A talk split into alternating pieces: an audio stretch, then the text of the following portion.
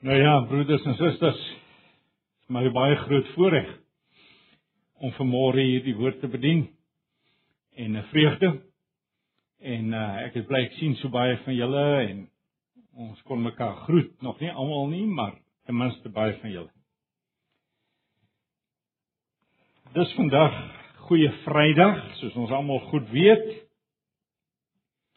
En dis natuurlik die dag waarop ons terugdink aan die kruisiging van ons Here Jesus Christus. 'n Geweldige dag. As mens net daaraan dink dat uh uh die hele jaartelling is voor en na Christus. Voor Christus, na Christus.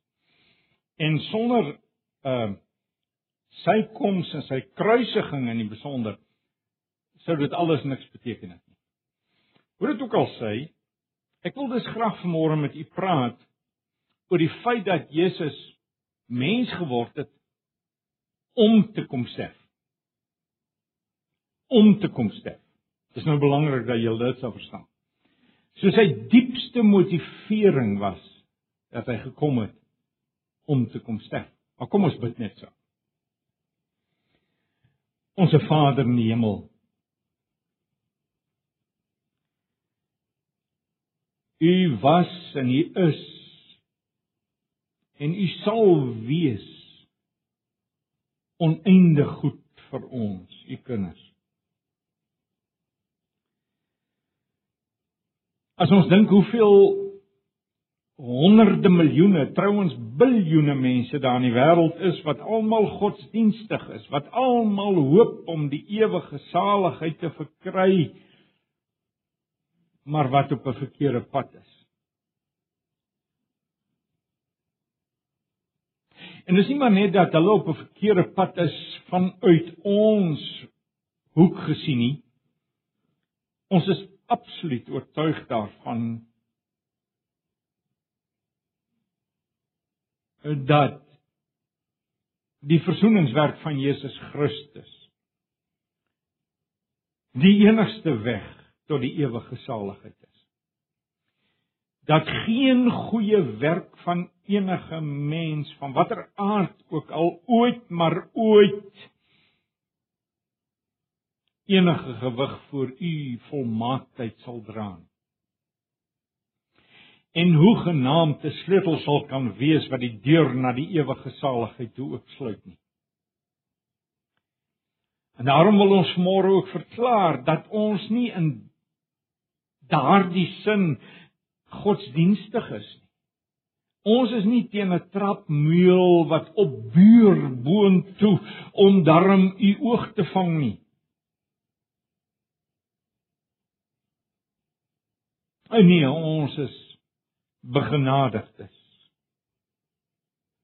En ons dankie dus dat die evangelie so radikaal anders is as al die godsdienste van hierdie wêreld. Die evangelie. U weg van verlossing is absoluut uniek.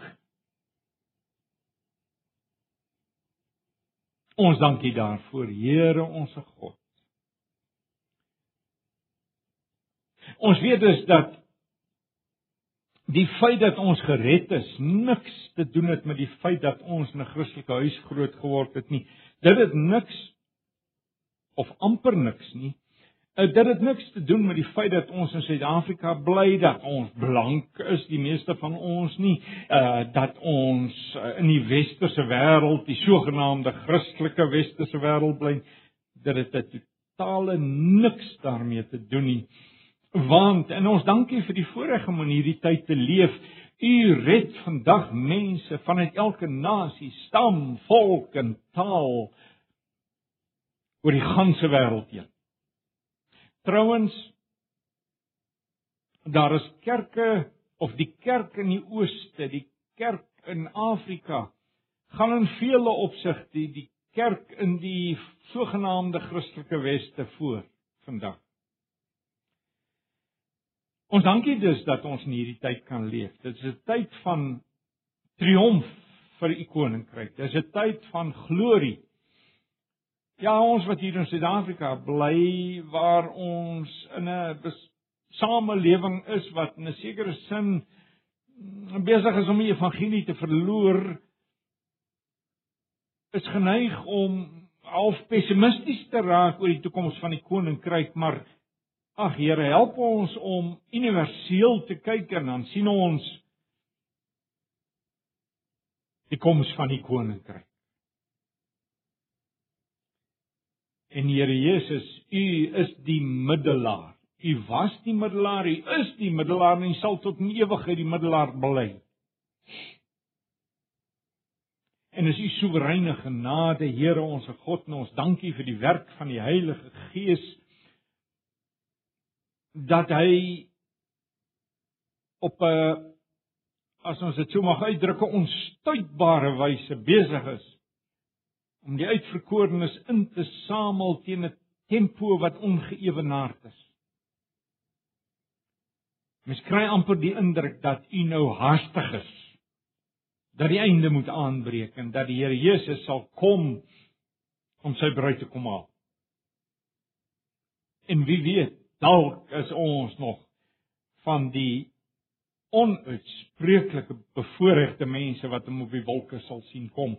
Maar selfs al sou ons voor die tyd sterf, dan sal hy ons opwek. En ons sal nie 'n enkele halftree agter die wat nog lewe wees nie. En ook ons sal dus daardie heerlike dag beleef. Sal verenig word met ons liggame en ons Vader ons pyns dikwels oor hierdie dag. Dink daaroor en dan wel 'n vreugde en 'n verwagting en 'n opgewondenheid in ons harte op. Ons sien so uit na daardie dag. Ons sien so uit daarna. Maar nou ja, ons is vanmôre hier saam om net weer opgebou te word as die liggaam van Jesus Christus. Miskien nie eenvoudige woord maar sal u Christus Jesus in ons midde ons Vader sal u hom verheerlik Help ons dus om te verstaan, help ons om implikasies te verstaan, vul ons harte met 'n vreugde vanmôre. Laat u woord tot ons spreek. Ons vra dit ons Vader met vrymoedigheid. Ons vra dit met verwagting. Trouwens met opgewonde afwagting. In die naam van ons middelaar, Christus Jesus ons Here. Amen. Nou ja, soos ek gesê het, ek wil graag vanmôre met julle praat oor die feit dat Jesus Christus na hierdie wêreld toe gekom het ten diepste en in die eerste instansie om te kom sterf. Ehm um, hy het mens geword om te kom sterf. Ja ja. Hy het vir ons kom wys hoe om te lewe. Ons moet hom navolg. Ons moet in sy voetspore volg. Ons lewens moet vertoon dat ons navolgers van Jesus is. Ons uh goeie werke dankbaarheidswerk moet ons lewens kenmerk. Maar jy weet ons leef in 'n tyd waar daar 'n geweldige sterk aksent is hierop dat Christendom eintlik maar net vroomheid beteken, dat Christendom moraliteit beteken. Daar het ag en ek wil nie op ander skiet nie, maar daar het nou so 2 weke terug 'n verklaring verskyn van die ek gaan dit nou maar aanvaar in algemene terme stel, uh van 'n leierskap van 'n bekende denominasie in Suid-Afrika waarin hulle hulle mense oproep om 'n godvrugtige lewe te lei. Nou as 'n mens die oproep lees, dan is jy hartlik eens met wat gesê word. Jy kan as dit ware nie 'n enkele woord daarin fout fout vind mee nie. Maar my eerste gewaarwording toe ek dit gelees het was 'n gewaarwording van teleurstelling. Waarom?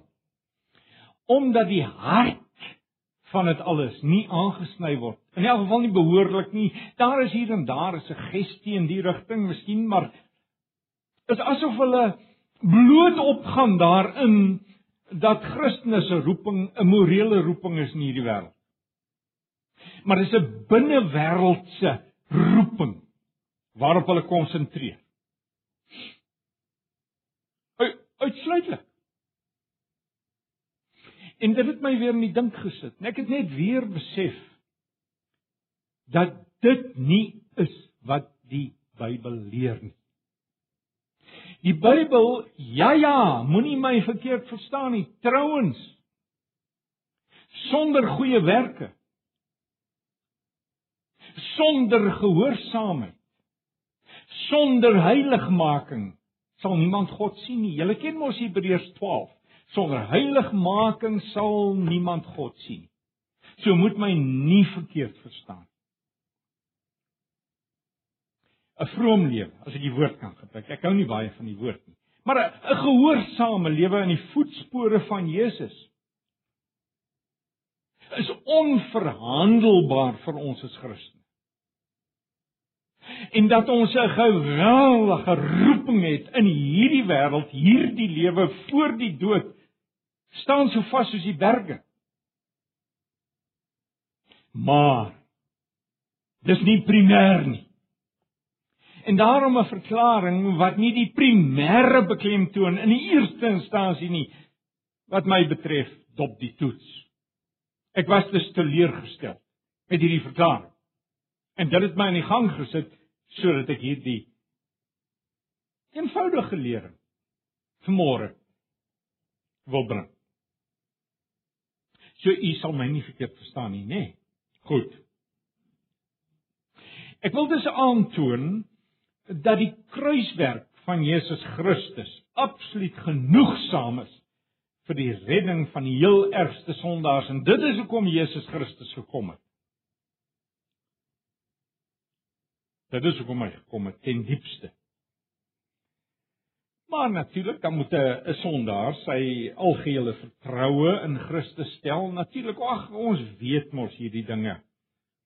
En nie op eie verdienste staat maak nie. En eers dan, maar niks vroeër nie, eers dan skuif die hele kwessie van gehoorsaamheid en goeie werke in die prentjie.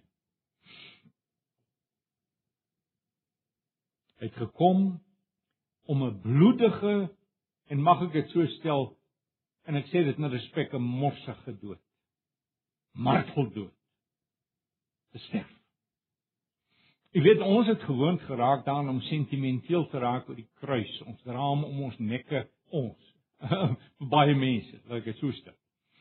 Dra die kruis, 'n kruisie om hulle nekke. Ag, en ek wil my nou nie daaroor uitlaat of dit nou reg of verkeerd is nie. Ek het vrede daarmee. Dra jou kruisie, maak oorbelle daarvan en alles.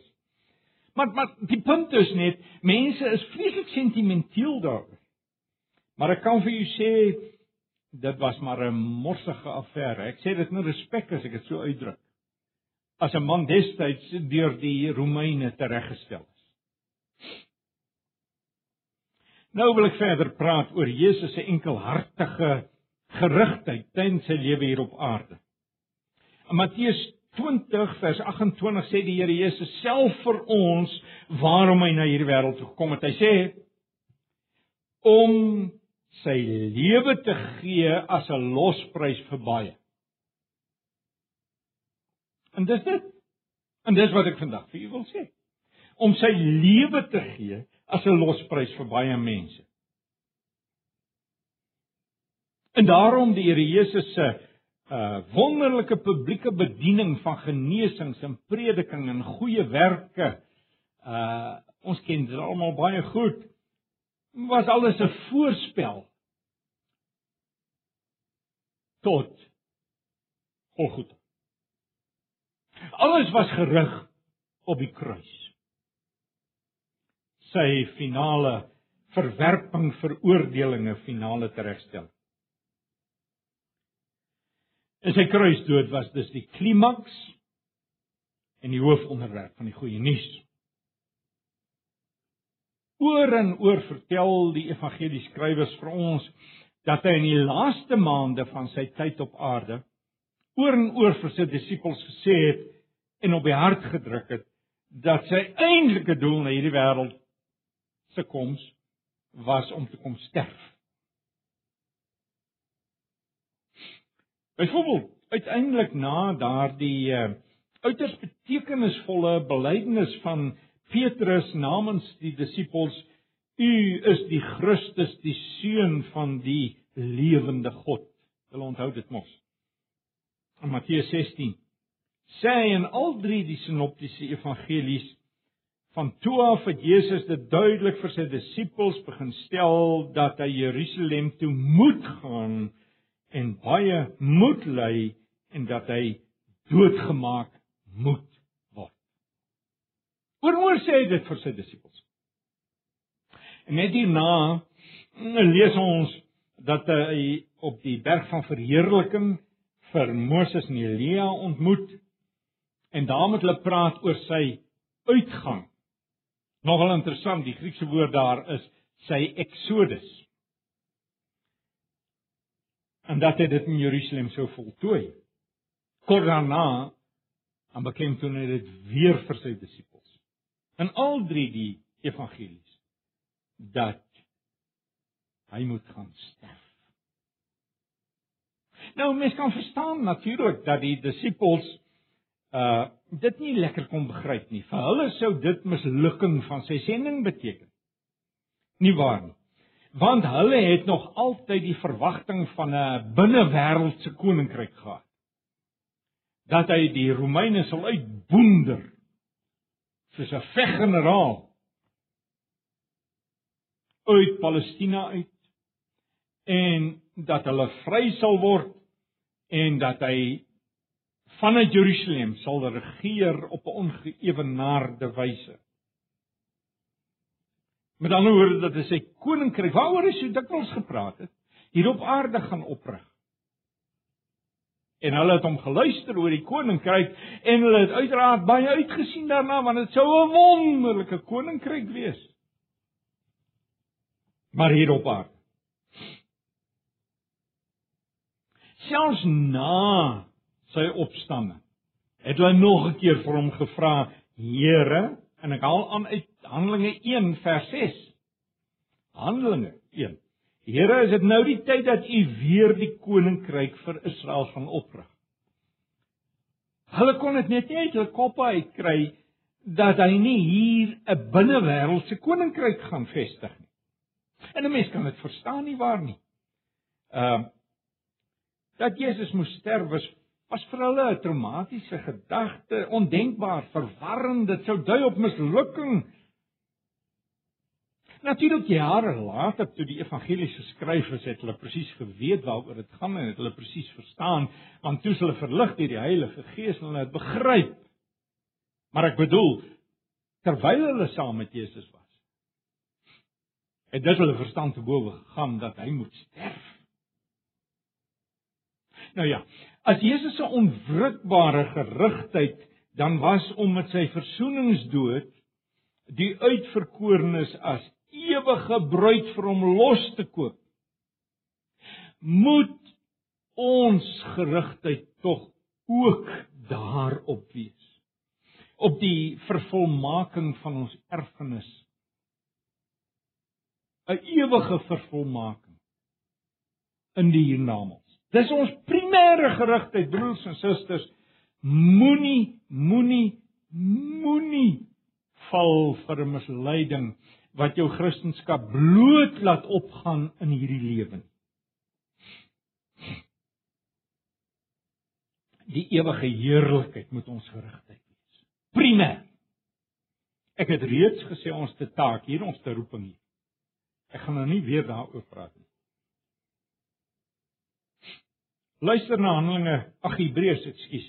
Hebreërs hoofstuk 12 vers 1 tot 3 laat ons die wedloop wat vir ons voorlê met volharding hardloop die oog gefestig op Jesus die begin en die volëinder van die geloof terwyl van die vreugde wat vir hom in die vooruitsig was het hy die kruis verduur sonder om vir die skande daarvan terug te deins hou hom voor oë naal julle oop hom vas as ek dit in plat uh, woorde kan uitdruk, na op hom.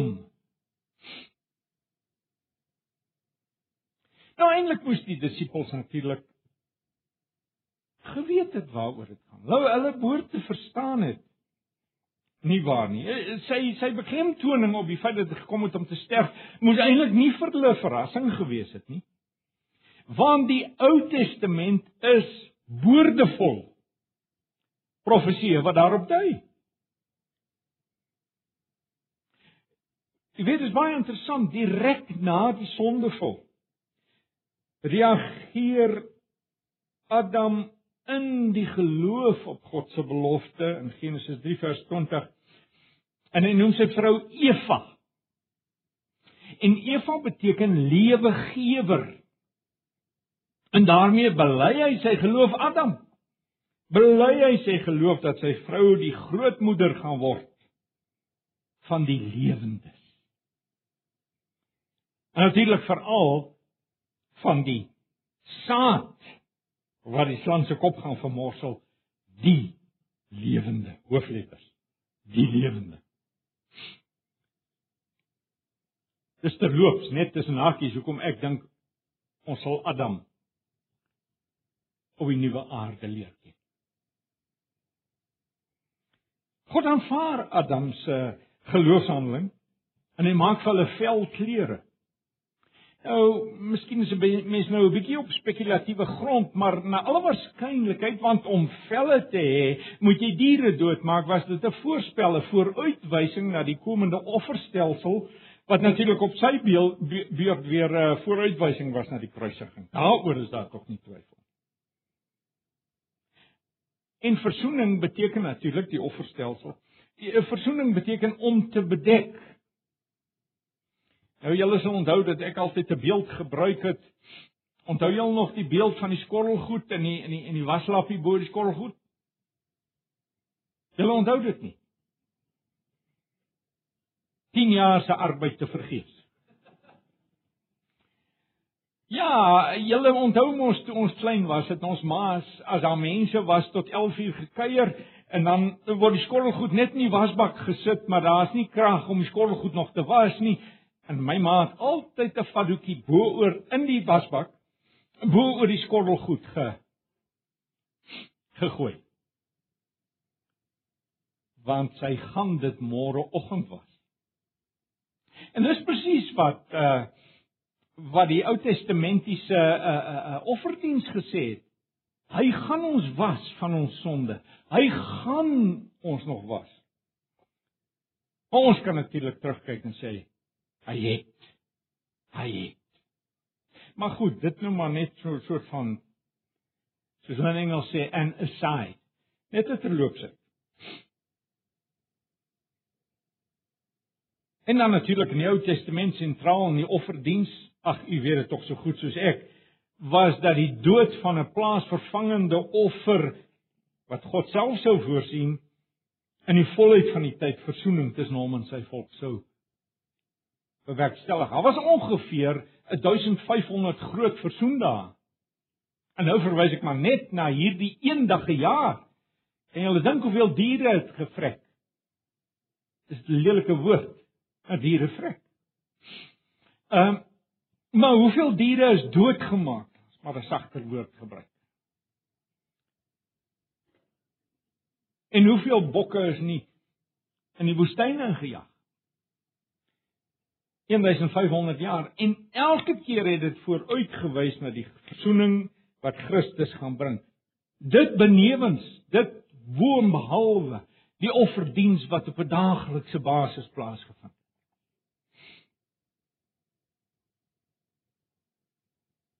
En dan natuurlik in die Ou Testament daar die talle messiaanse profesieë. Baie van. Baie van. Meer as 100. Hy reken daar's tot 300. Ek weet nie of dit soveel is nie, maar ten minste meer as 100. Maar die die die kroon van hulle almal wat my betref, is Jesaja 53, die vierde kneglied daar. En let op as jy Jesaja 53 lees dat die plaasvervangende lyding van die Here Jesus Christus absoluut uitgespel word in soveel grafiese beeldspraak dat jy dat jy amper kan glo dit is voor Christus geskryf. En natuurlik aan die hele gedagte dat hy die sondes van baie op hom sal neem. As ons na die apostoliese prediking gaan kyk, nou is ons na natuurlik na die kruisiging en die apostels verstaan nou. So ek gaan nie veel aandag daaraan gee nie, maar elke keer maar weer is die kruisiging en die opstanding aan die hart van hulle prediking.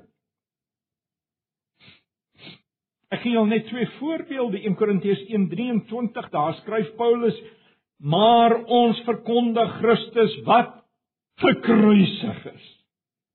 Vir die Jode is naamstoot en vir die ander is onsin. En is dit nie so nie? Stel jou voor jy was 'n 'n Romein destyds. Dis so 'n onsinnige klink dit. Hierdie boodskap.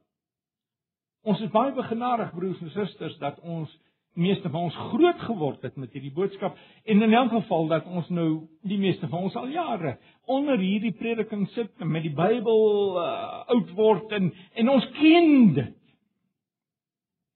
Net in die volgende hoofstuk, ek het my voorgenem om met julle oor niks anders te praat nie as oor Jesus as die Christus en wel oor hom as die gekruisigde.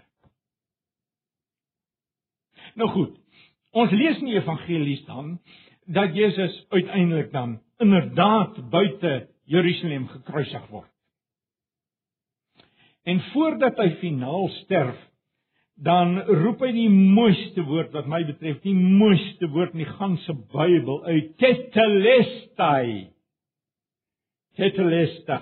Dit word vertaal dit is volbring. Dit is volbring. In die Grieks is dit 'n enkele woord. Kom ons begin net kortliks daaroor of hieroor. Die werkwoord tyd is in die perfektum vir die van julle wat 'n bietjie uh, taalagtergrond het.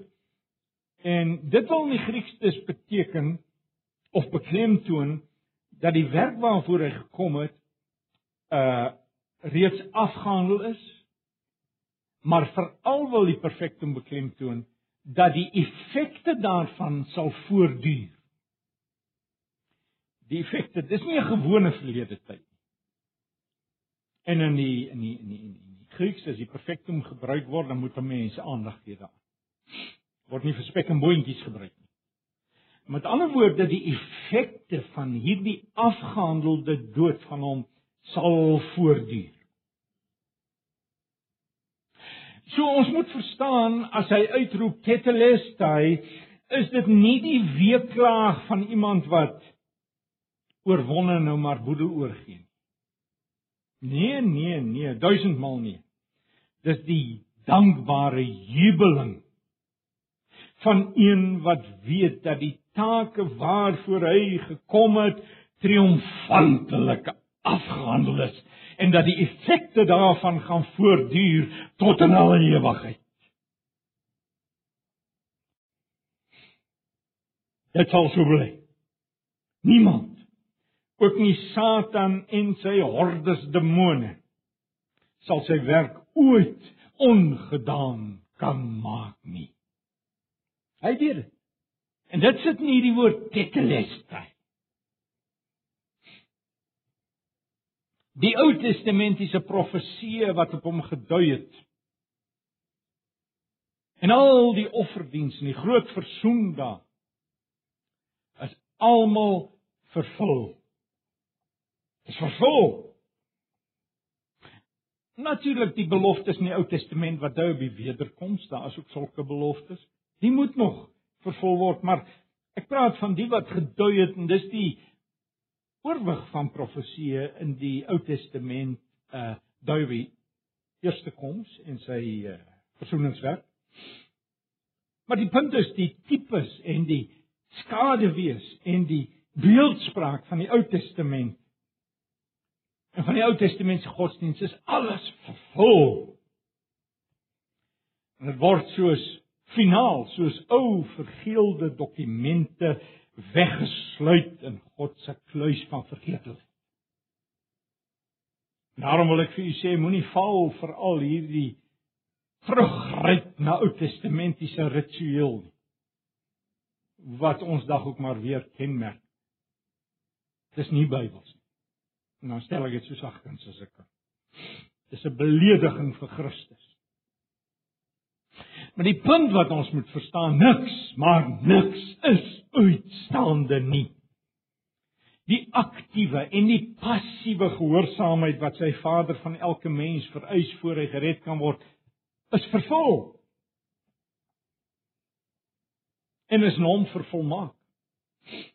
En die Bybel leer ons, die Nuwe Testament leer ons dat elkeen wat glo, sy aktiewe en sy passiewe gehoorsaamheid word in so 'n persoon toegereken. Dit word die status in jou boeke, in God se boeke. Jou status in God se boeke.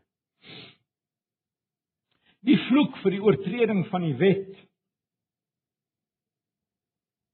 is gedra. En so kan ons voortgaan.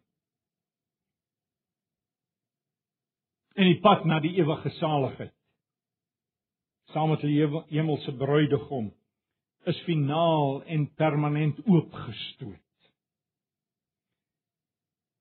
vir elke begenadigde van God. En op hierdie pad sal geen valhek ooit opgerig Behalwe die valhek natuurlik wat die huigelaars, die sondaars, nie ongelowiges sal buite hou. Miskien is die beeld nie so goed van 'n valhek nie. Maar ja, dit net maar daar gelaat. En hierdie is die hoogtepunt van die Johannes Evangelie. Indien nie van die hele Bybel nie. Dit lees daai. Dit is volbring. En die enigste uitsondering as ons van 'n hoogtepunt praat, mag dalk die opstanding wees wat saam met die kruisiging. En is onlosmaaklik verbonde die twee gebeure die hoogtepunt vorm. En die hart van ons geloof en die hart van die boodskap wat God wil wysbring. Maar kom ek maak dit. Nou mag daar tog mense wees hier in ons midde selfs Wat wonder, was Jesus Christus se kruisdood werklik genoegsaam? Het dit werklik alles afgehandel? Moet 'n mens nie tog darm van jou kant af iets bydra nie? Kan dit wees dat 'n mens dit net gratis ontvang? 'n uh, Persoon van rekening, daar's soveel op die spel dat 'n mens nie kan bekostig om hier mis te trap nie. Moet 'n mens nie maar liewer ter wille van veiligheid daarom ook 'n paar dinge doen om jou saligheid eh, net te waarborg en net te verseker dat dit as die Bybel se antwoord nee, nee, nee.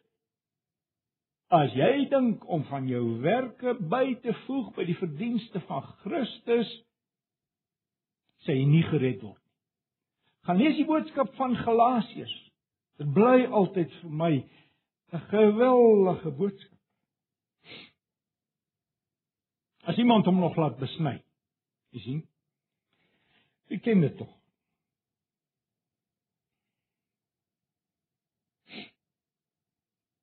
Maar almal van ons is maar Thomasse, né? Nee? Almal van ons is maar geneig om soms 'n bietjie te twyfel. Uh, verstaan ons die Bybel verkeerd as ons dit verstaan soos ek dit nou vanmôre vir julle aanbied? Verstaan ons dit nie dalk verkeerd nie, laat ek dit so stel. So ek sê daar sou baie op die op die spel, uh hoe kan ons absoluut seker wees dat dit die waarheid is wat ek vanmôre vir julle voor. Nou ek wil graag vir julle twee of drie dinge net voor verduidelik of of wys. As die Here Jesus die laaste asem uitblaas, skuur die voorhangsel van die tempel van bo na onder. Beklemtoon die Bybel, van bo na onder. Nou is die vraag hoekom dit ons klein geloof tot hulp? Hoekom het die Thomasse ons is almal Thomasse tot hulp? Nou in die eerste instansie, die feit dat dit van bo na onder skeur wil vir ons beklemtoon dat dit God self is wat hom skeur. En natuurlik tweedens, baie belangrik, u sal tog weet dat die voorhangsel die allerheiligste in die Ou Testamentiese tabernakel en tempel afgesper het van die mense. Geen mens kon daar ingaan en bly leef nie behalwe die hoëpriester eenmal per jaar. Dit was 'n baie swaar voorhangsel en hy moes waarskynlik op sy maag onderdeur glip, kan ek my indink. En hy moes dus in 'n posisie van absolute aanbidding kom om versoeningsoffer te bring dan. Die punt is nou skuur die voorhangsel. Dis tog so duidelik soos daglik broers en susters dat die allerheiligste raak skielik toeganklik vir al God se kinders. Almal wat met Christus verenig is. En nou kan ons toetree net wanneer ons wil. Soos hulle sê morning, noon and night. Kan ons net toetree. En ons kan daar vertoef net solank as ons wil in gemeenskap met ons hemelse Vader en sy seun, ons Here Jesus Christus begenadig deur die Heilige Gees om dit te kan doen. Nou die eerste ding wat ek vir u wil.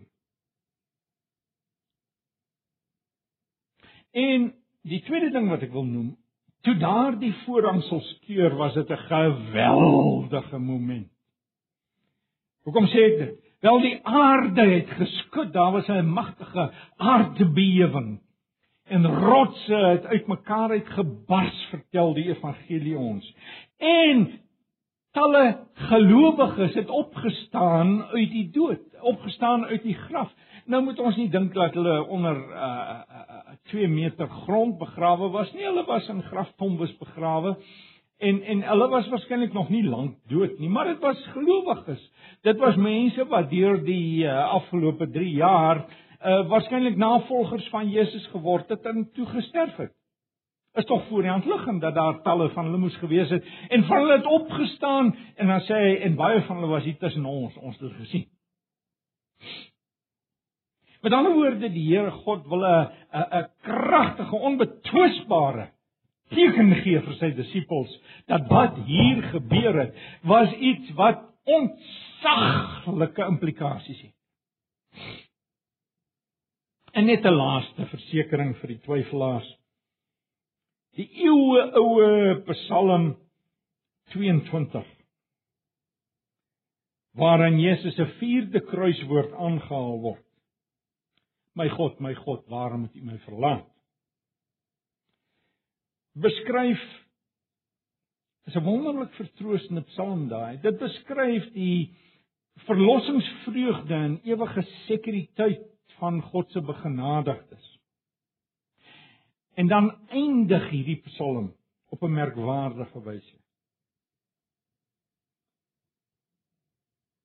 Dit is 'n psalm wat begin het: "My God, my God, waarom het U my verlaat?" En dit eindig dan met 'n enkele Hebreëse woord. En dit word vertaal met "Hy het dit gedoen." Maar as 'n mens nou na die Septuaginta gaan kyk, dit is nou 'n Griekse vertaling van die Ou Testament wat so rapsie meer as 2 eeue voor die koms voor die koms van Christus verskyn het. Dan word hierdie Hebreëse woord hy het dit gedoen wat vertaal word hy het dit gedoen vertaal met 'n enkele Griekse woord. Nou kan julle raai wat die woord. Tetelestai. Tetelestai eeue voor die koms van Christus word dit voorsien. Net 'n slotgedagte. Waarlik, verzoening deur Christus se gestorte bloed aan die kruis sal steeds die hart van die goeie nuus van die evangelie bly broers en susters. En hiervan moet ons nooit afwyk nie. Dit bly die skerp punt van alle ware prediking. Dit bly die tema van die verordeninge van die doop en die nagmaal. En dit sal altyd maar weer die hartsinhoud wees van ons lofprysing en aanbidding tot in alle ewigheid. Luister na Openbaring 4 en 5. Ek gaan nou nie al twee hoofstukke lees nie, net uittreksels. Die ouderlinge en die lewende wesens en die 10000e maal 10000e engele en alle skepsels in die hemel en op die aarde sal die lam se lof besing. Sê ek. En haal ek aan. U is waardig om die boek te neem en die seels daarvan oop te maak. Omdat u geslag is en met u bloed mense vir God losgekoop het met u bloed mense vir God losgekoop het met elke stam en taal en volk en nasie.